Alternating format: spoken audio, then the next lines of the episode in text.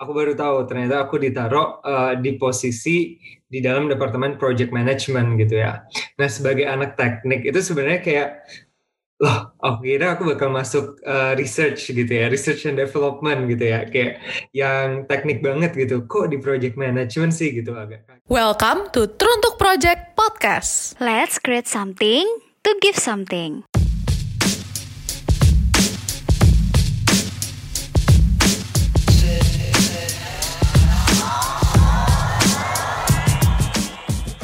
Setelah dua bulan teruntuk project nggak update podcast, sekarang kami balik lagi dengan tema obrolan yang nggak kalah seru nih dengan episode-episode sebelumnya. Pertama-tama kenalin dulu, aku Angel dan aku bakal nemenin kalian nih beberapa menit ke depan. Nah, sebelum aku ngenalin narasumber kali ini, kalian pada ngerasa gak sih kalau dampak pandemi ini tuh sangat besar di organisasi-organisasi mana pun, apalagi pas mau bikin project gitu. Prosesnya jadi berubah banget karena harus dilakukan secara virtual. Nah, kira-kira gimana ya agar organisasi tetap bisa memberikan impact yang besar melalui project-project virtual? No worries, untungnya narasumber kita kali ini memiliki banyak banget ilmu tentang project management loh. Jadi halo Kak Ben, apa kabar nih Kak? Hai, halo Angel, halo teman-teman teruntuk project. Kabar baik, Angel apa kabar? Baik juga Kak. Um, pertama-tama Kak Ben boleh cerita gak ke, tentang Kak Ben sendiri sama backgroundnya Kak Ben khususnya di bidang project management? Oke boleh banget. Uh, jadi sebenarnya aku dulu kuliahnya teknik gitu ya. Aku kuliahnya teknik, uh, belajar teknik mesin mechatronics. Terus pas semester 6 itu aku memang ada magang magang, aku dapat magang di suatu perusahaan multinasional di Jerman gitu. Nah, aku sebenarnya udah tahu saat pendaftaran tuh udah tahu ditempatin uh, di divisi mana gitu, di divisi energi. Cuman aku memang nggak tahu di uh, letak departemennya itu sebenarnya departemen apa. Nah, jadi hari pertama aku masuk, aku baru tahu ternyata aku ditaruh uh, di posisi di dalam departemen project management gitu ya. Nah, sebagai anak teknik itu sebenarnya kayak loh aku kira aku bakal masuk uh, research gitu ya research and development gitu ya kayak yang teknik banget gitu. Kok di project management sih gitu agak kaget. Nah, tapi setelah uh, di situ ternyata belajar uh, walaupun itu kan perusahaan teknik yang multinasional perusahaan teknik dan waktu itu di headquarter di Jerman ternyata masalah yang ada, masalah yang banyak itu sekitar uh, ada di sekitaran komunikasi, negosiasi, yang itu sebenarnya di cover di project management. Jadi dari situ akhirnya tertarik uh, untuk masuk ke project management, akhirnya lulus daftar perusahaan yang sama di Indonesia uh, di bidang project managementnya juga, terus ditarik ke Jerman, aku stay di sana dua tahun, project management juga untuk uh, global dan akhirnya balik ke Indonesia megang project management juga di manufacturing sebelum akhirnya ke sales ke sales terus pindah ke pemimpin.id memang ngurusin sistem juga sih jadi ya mirip-mirip project management juga sih di pemimpin ID gitu. Wah keren banget nih backgroundnya Kak Ben, terus sangat relate banget sama tema obrolan kita saat ini. Nah, menurut Kak Ben, gimana sih caranya supaya proyek-proyek dari setiap organisasi itu bisa berjalan sebagaimana mestinya meskipun harus secara virtual, khususnya mereka yang sedang merencanakan proyek sosial gitu, Kak? Ya, uh, jadi kalau merancang proyek, terutama proyek virtual, ini mau cerita dulu. kalau dulu itu balik pas uh, sempat kerja di Jerman itu sebenarnya kebanyakan virtual jadi kliennya dari sisi klien itu virtual karena kliennya global. Kita jarang banget ketemu um, atau ketemunya nggak pernah bahkan atau ketemunya pas penutupan project gitu. Jadi sebenarnya kalau kita lihat di negara-negara ya kayak aku dulu kerja gitu di Jerman, mereka udah terbiasa dengan project virtual. Nah itu yang bisa ditarik garis adalah sebenarnya yang penting itu saat project virtual adalah kejelasan gitu ya, terutama di project yaitu kejelasan kita uh, ingin mendeliver apa, goal akhirnya itu apa.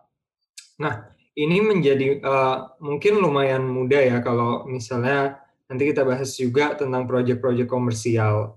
Nah, kalau di proyek sosial itu aku lihat emang ada karena di pemimpin ID itu lebih sosial, jadi ada ada variabel tambahan yaitu people yang lebih yang lebih um, yang lebih krusial gitu ya. Jadi penting untuk kita secara virtual harus bisa tetap eh, saat membuat proyek sosial itu mengengage teman-teman yang support, either itu teman-teman volunteers atau tim kita gitu. Dan juga kita harus bisa uh, kita harus bisa mencari penerima dampak gitu, penerima dampak yang itu challenging juga ya saat virtual gini. Kalau kita misalnya mau deliver ini ke mana gitu. Kalau dulu kan kita eh, bisa offline, kita bisa jalan-jalan atau cari gitu. Kita mau project sosialnya untuk siapa gitu. Nah kalau sekarang mungkin kita lebih mengutamakan kolaborasi sih. Siapa tahu ada teman-teman organisasi yang lain memang ada koneksi ke beneficiaries, penerima dampak.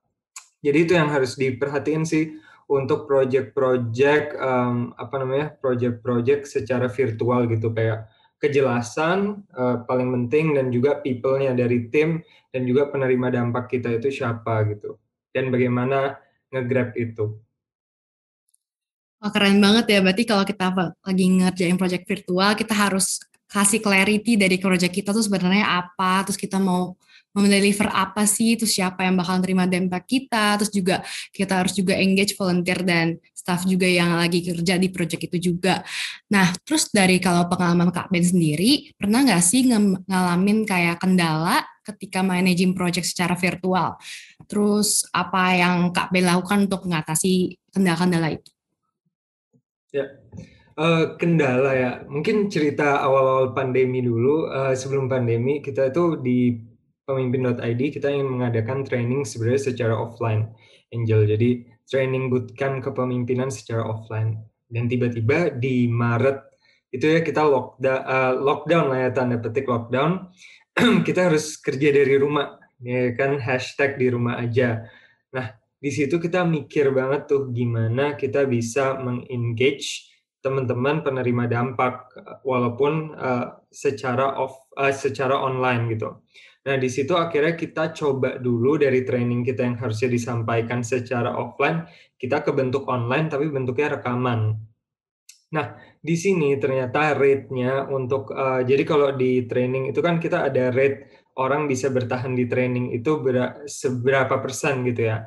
Nah, ternyata cukup uh, rendah dan cukup challenging kalau bentuk online-nya itu bentuk virtualnya itu secara rekaman terutama untuk beneficiaries yang teman-teman waktu itu penerima dampak kita, kita uh, teman-teman komunitas atau teman-teman yang ada di uh, pemuda yang ada di kemahasiswaan gitu ya. Nah dari situ kita belajar sih, tapi bagusnya kita belajar karena virtual itu kita belajar bahwa oh ternyata kalau untuk penerima dampak ini teman-teman ini harus ada aktivitas yang membangun kebersamaan. Jadi kita tambahkan kayak webinar-webinar Zoom on apa namanya webinar online gitu ya trainingnya secara online langsung uh, live gitu. Nah di situ akhirnya naik juga apa namanya engagement peserta itu naik gitu dan rekaman yang tadi bisa kita pakai juga gitu nggak jadi waste. Nah di situ akhirnya belajar sih ternyata ini juga ada satu buku yang menarik yang aku baca tentang non profit. Kadang-kadang non profit itu kalau perusahaan kan punya budget untuk riset and development ya, research and development. Mereka bisa coba-coba. Kadang-kadang non-profit itu nggak punya budget untuk research and development, kita harus langsung kayak, nih, bikin pokoknya ada dampaknya gitu ya, uh, bikin dampaknya apa antara jumlah peserta atau pesertanya berubah pemikirannya atau mungkin berapa banyak yang ditanam gitu kan ya misalnya di di bagian lingkungan.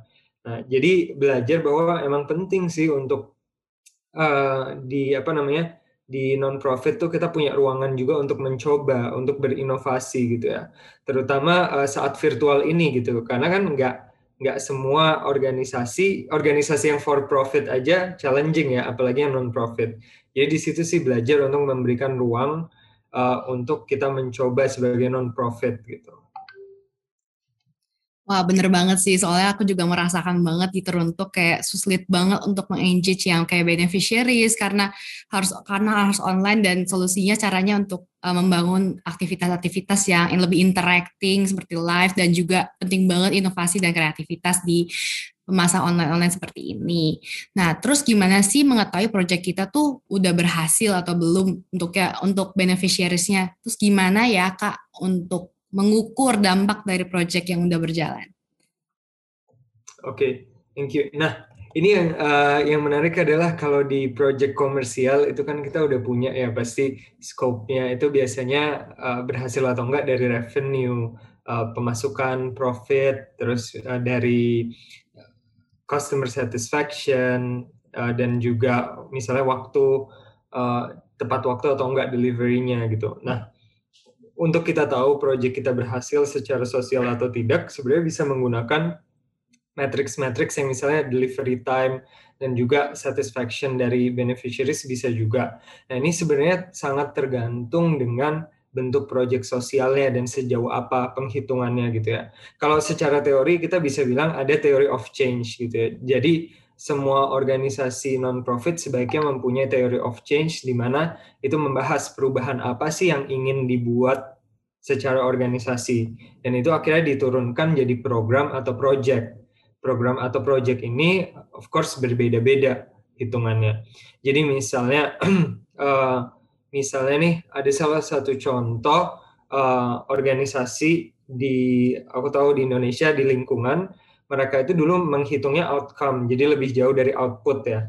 Uh, outcome uh, jadi lingkungan kan tapi mereka sekarang karena kebutuhan organisasinya hanya menghitung output kayak berapa jumlah yang di recycle akhirnya mereka menghitung di sana. Jadi memang disesuaikan dan sebisa mungkin kita hitungnya outcome. Kalau di pemimpin ID sendiri kita punya tiga produk kita punya riset kita punya training sama kita punya community development jadi di paling awal adalah riset itu yang mengeluarkan kita menyebarluaskan kepemimpinan atau ilmu melalui konten dan di situ kita bisa menghitungnya adalah reaction. Uh, jadi kita nyoba menggunakan Kirkpatrick model untuk uh, itu teman-teman di HR apalagi yang learning itu pasti tahu. Jadi uh, tahap pertama adalah reaction. Apakah konten kita positif untuk mereka dan kita juga menanyakan misalnya kita coba pakai net promoter score kayak orang-orang mau nggak refer konten kita ke orang lain dan kita juga menanyakan apakah konten ini sebenarnya berguna untuk teman-teman beneficiaries gitu ya. Nah, yang kedua uh, itu tadi di riset, yang kedua kita di training. Nah, di training itu memang kita hitung reaction pertama tadi kayak satisfaction dari peserta uh, net promoter score apakah mereka mau mempromosikan program ini ke orang lain itu reaction yang kedua adalah knowledge jadi kita punya pre-test post-test kita lihat apakah ada perubahan gitu ya. Dan yang terakhir yang memang kita sedang berusaha menghitung adalah perubahan behavior. Saat ini kita masih menggunakan self assessment dan kita uh, juga terus menghitung bagaimana ya uh, dampaknya terhadap mereka. Dan yang terakhir di community development. Community development ini artinya dari pemimpin ID sendiri kita melihat bagaimana ya teman-teman yang sudah di engage ini bisa bergerak lagi atau teman-teman komunitas yang tergabung sama kolaborator kita ini bisa bergerak gitu.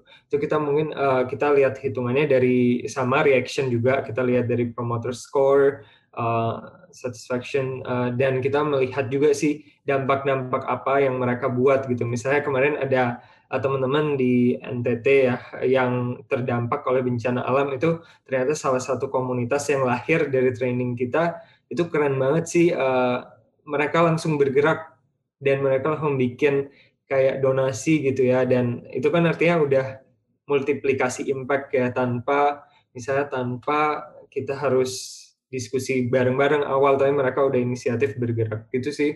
Eh, dan kalau yang lainnya yang bisa dihitung adalah sebenarnya SROI ya. Uh, itu biasa uh, social return of investment.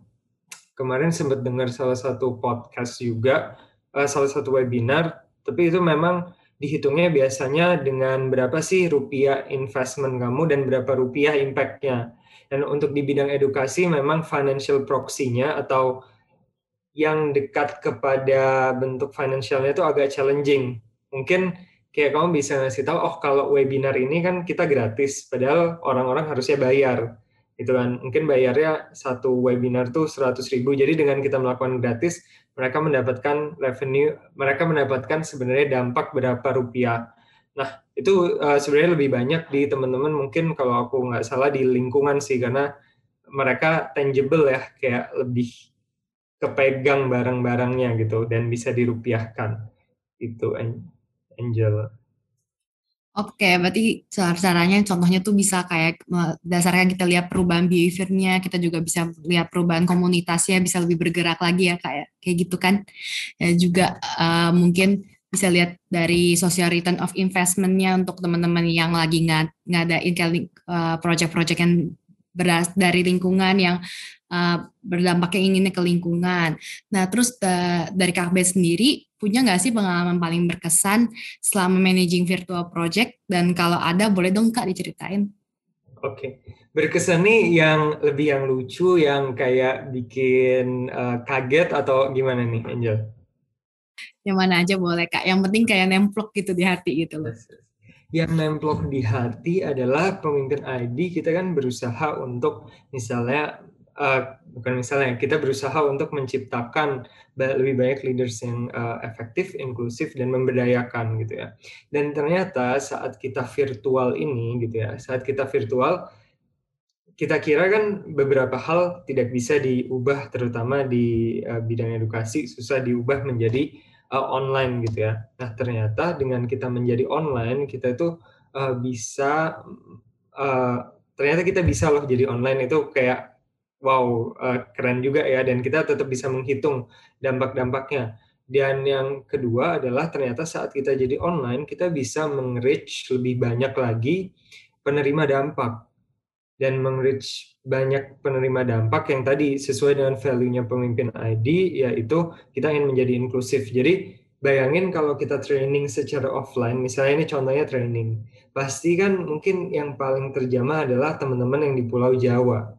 Ya, Sedangkan uh, pemimpin ID punya mimpi kita bisa juga ke teman-teman yang di Sumatera, Sulawesi, Kalimantan, Papua gitu ya.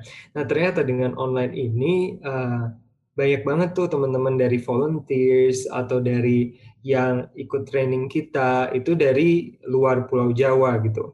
Dan akhirnya kita juga kebentuk mindset bahwa di setiap program kita, terutama karena value kita tadi itu, kita harus bisa ada affirmative action atau kita harus bisa reach out memang yang di luar Pulau Jawa juga karena mereka sangat-sangat butuh uh, atau yang kita lihat adalah akses untuk ilmunya itu lebih rendah daripada yang di Pulau Jawa gitu ya. Nah, jadi itu sih yang men, yang menurut aku mengagetkan ya. Jadi kita nggak fokus bayangin deh kalau lagi offline pasti ya fokus dulu, terus fundingnya juga challenging dan lain-lain tapi karena online jadinya kita ke push untuk keluar dari Pulau Jawa juga.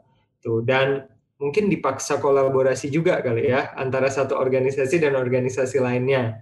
Jadi uh, yang yang ketiga kayak yang pertama ya wow ternyata bisa nih jadi online kirain susah jadi online. Yang kedua kita bisa cari penerima dampak di luar Pulau Jawa yang sangat sangat penting. Dan yang ketiga uh, tuh kita terpaksa dipaksa kolaborasi juga. Jadi terpaksa dan dipaksa kolaborasi ya oleh keadaan. Jadi di situ makin banyak kenal banyak orang, makin kenal banyak organisasi dan makin terbuka juga sih pikiran dan mungkin mindset gitu. Jadi itu sih yang mencengangkan ya saat mengerjakan managing virtual project ini. Wah keren banget sih pengalaman kakak. Kayak bener banget. Yang pertama tuh kita bisa nge-reach orang lain yang mungkin di luar Pulau Jawa atau mungkin lagi di luar negeri tapi sebenarnya orang Indonesia juga karena mereka nggak punya kalau misalnya lagi offline kan susah banget kan aksesnya juga ke Pulau Jawa. Terus juga kalau lagi kayak kita bingung gitu. Padahal harusnya proyeknya offline tiba-tiba jadi online tuh ternyata bisa terus juga kayak melalui proyek-proyek virtual kita juga bisa kenalan sama orang-orang baru meskipun kita nggak pernah ketemu mereka secara fisik gitu ya. Nah terakhir nih Kak Ben uh, punya nggak sih pesan-pesan untuk teman-teman di luar sana yang sedang menginisiasi virtual project khususnya yang lagi bergerak di bidang sosial?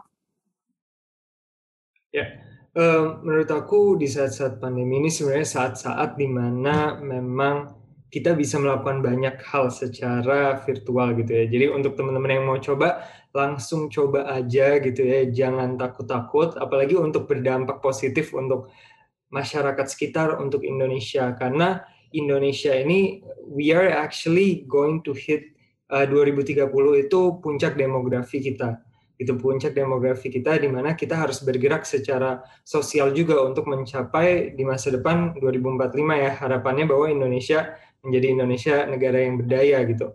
Nah, jadi coba karena ini kesempatannya terbuka banget peluangnya, apalagi kita di dunia sosial yang kita memang uh, kita saling sharing loh di sini.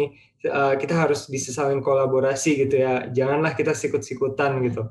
Nah, uh, jadi coba dengan harapan kita bisa membantu Indonesia, membantu masyarakat Indonesia untuk mencapai itu 2030 dan um, hanya dengan mencoba sih kita bisa tahu tahu dan kita bisa memberikan yang terbaik untuk beneficiaries kita. Dan tambahan satu lagi mungkin bahwa ini yang sering dibilang juga sih kalau di pemimpin ID sebisa mungkin kita mencari tahu sebenarnya apa sih kebutuhan dari beneficiaries kita sebisa mungkin kita jangan uh, kayak white savior gitu ya. Kan ada white savior complex yang kayak oh, mereka kasihan. Oke okay deh gue aku ke sana deh untuk menyelamatkan mereka gitu kan ya. Terkadang yang kita pikir solusi untuk mereka belum tentu solusi untuk mereka. Itu yang uh, penting untuk kita sebenarnya kalau lihat-lihat startups kan mereka ada user research ya. Nah mungkin sebagai uh, kita di dunia sosial juga perlu untuk ngobrol dan dari pengalaman aku teman-teman di mana pun itu mereka senang banget kok untuk ngobrol. Calon-calon penerima dampak juga uh, senang pasti kan teruntuk project juga banyak ya koneksinya yang mungkin bisa ditanyain kak aku mau bikin project untuk ini dong. Uh, kira-kira teruntuk project ada nggak jaringannya? Pemimpin ID ada nggak jaringannya? Of course pasti uh, dari kita juga bakal senang sih untuk bisa uh, membantu mensupport itu itu uh, Angel pesan-pesannya dan good luck. Semoga berdampak untuk sekitar. Thank you banget Kak Ben buat tips-tipsnya dan semoga bermanfaat pesan-pesannya buat teman-teman teruntuk agar bisa membuat virtual project yang lebih berdampak untuk masyarakat banyak ya. Uh, pertama-tama terima kasih Kak Ben atas waktunya dan ilmunya yang sudah dibagikan dan semoga sukses terus ya Kak. Selain dan sekian untuk episode kali ini. Bye semua. Sampai ketemu di episode selanjutnya.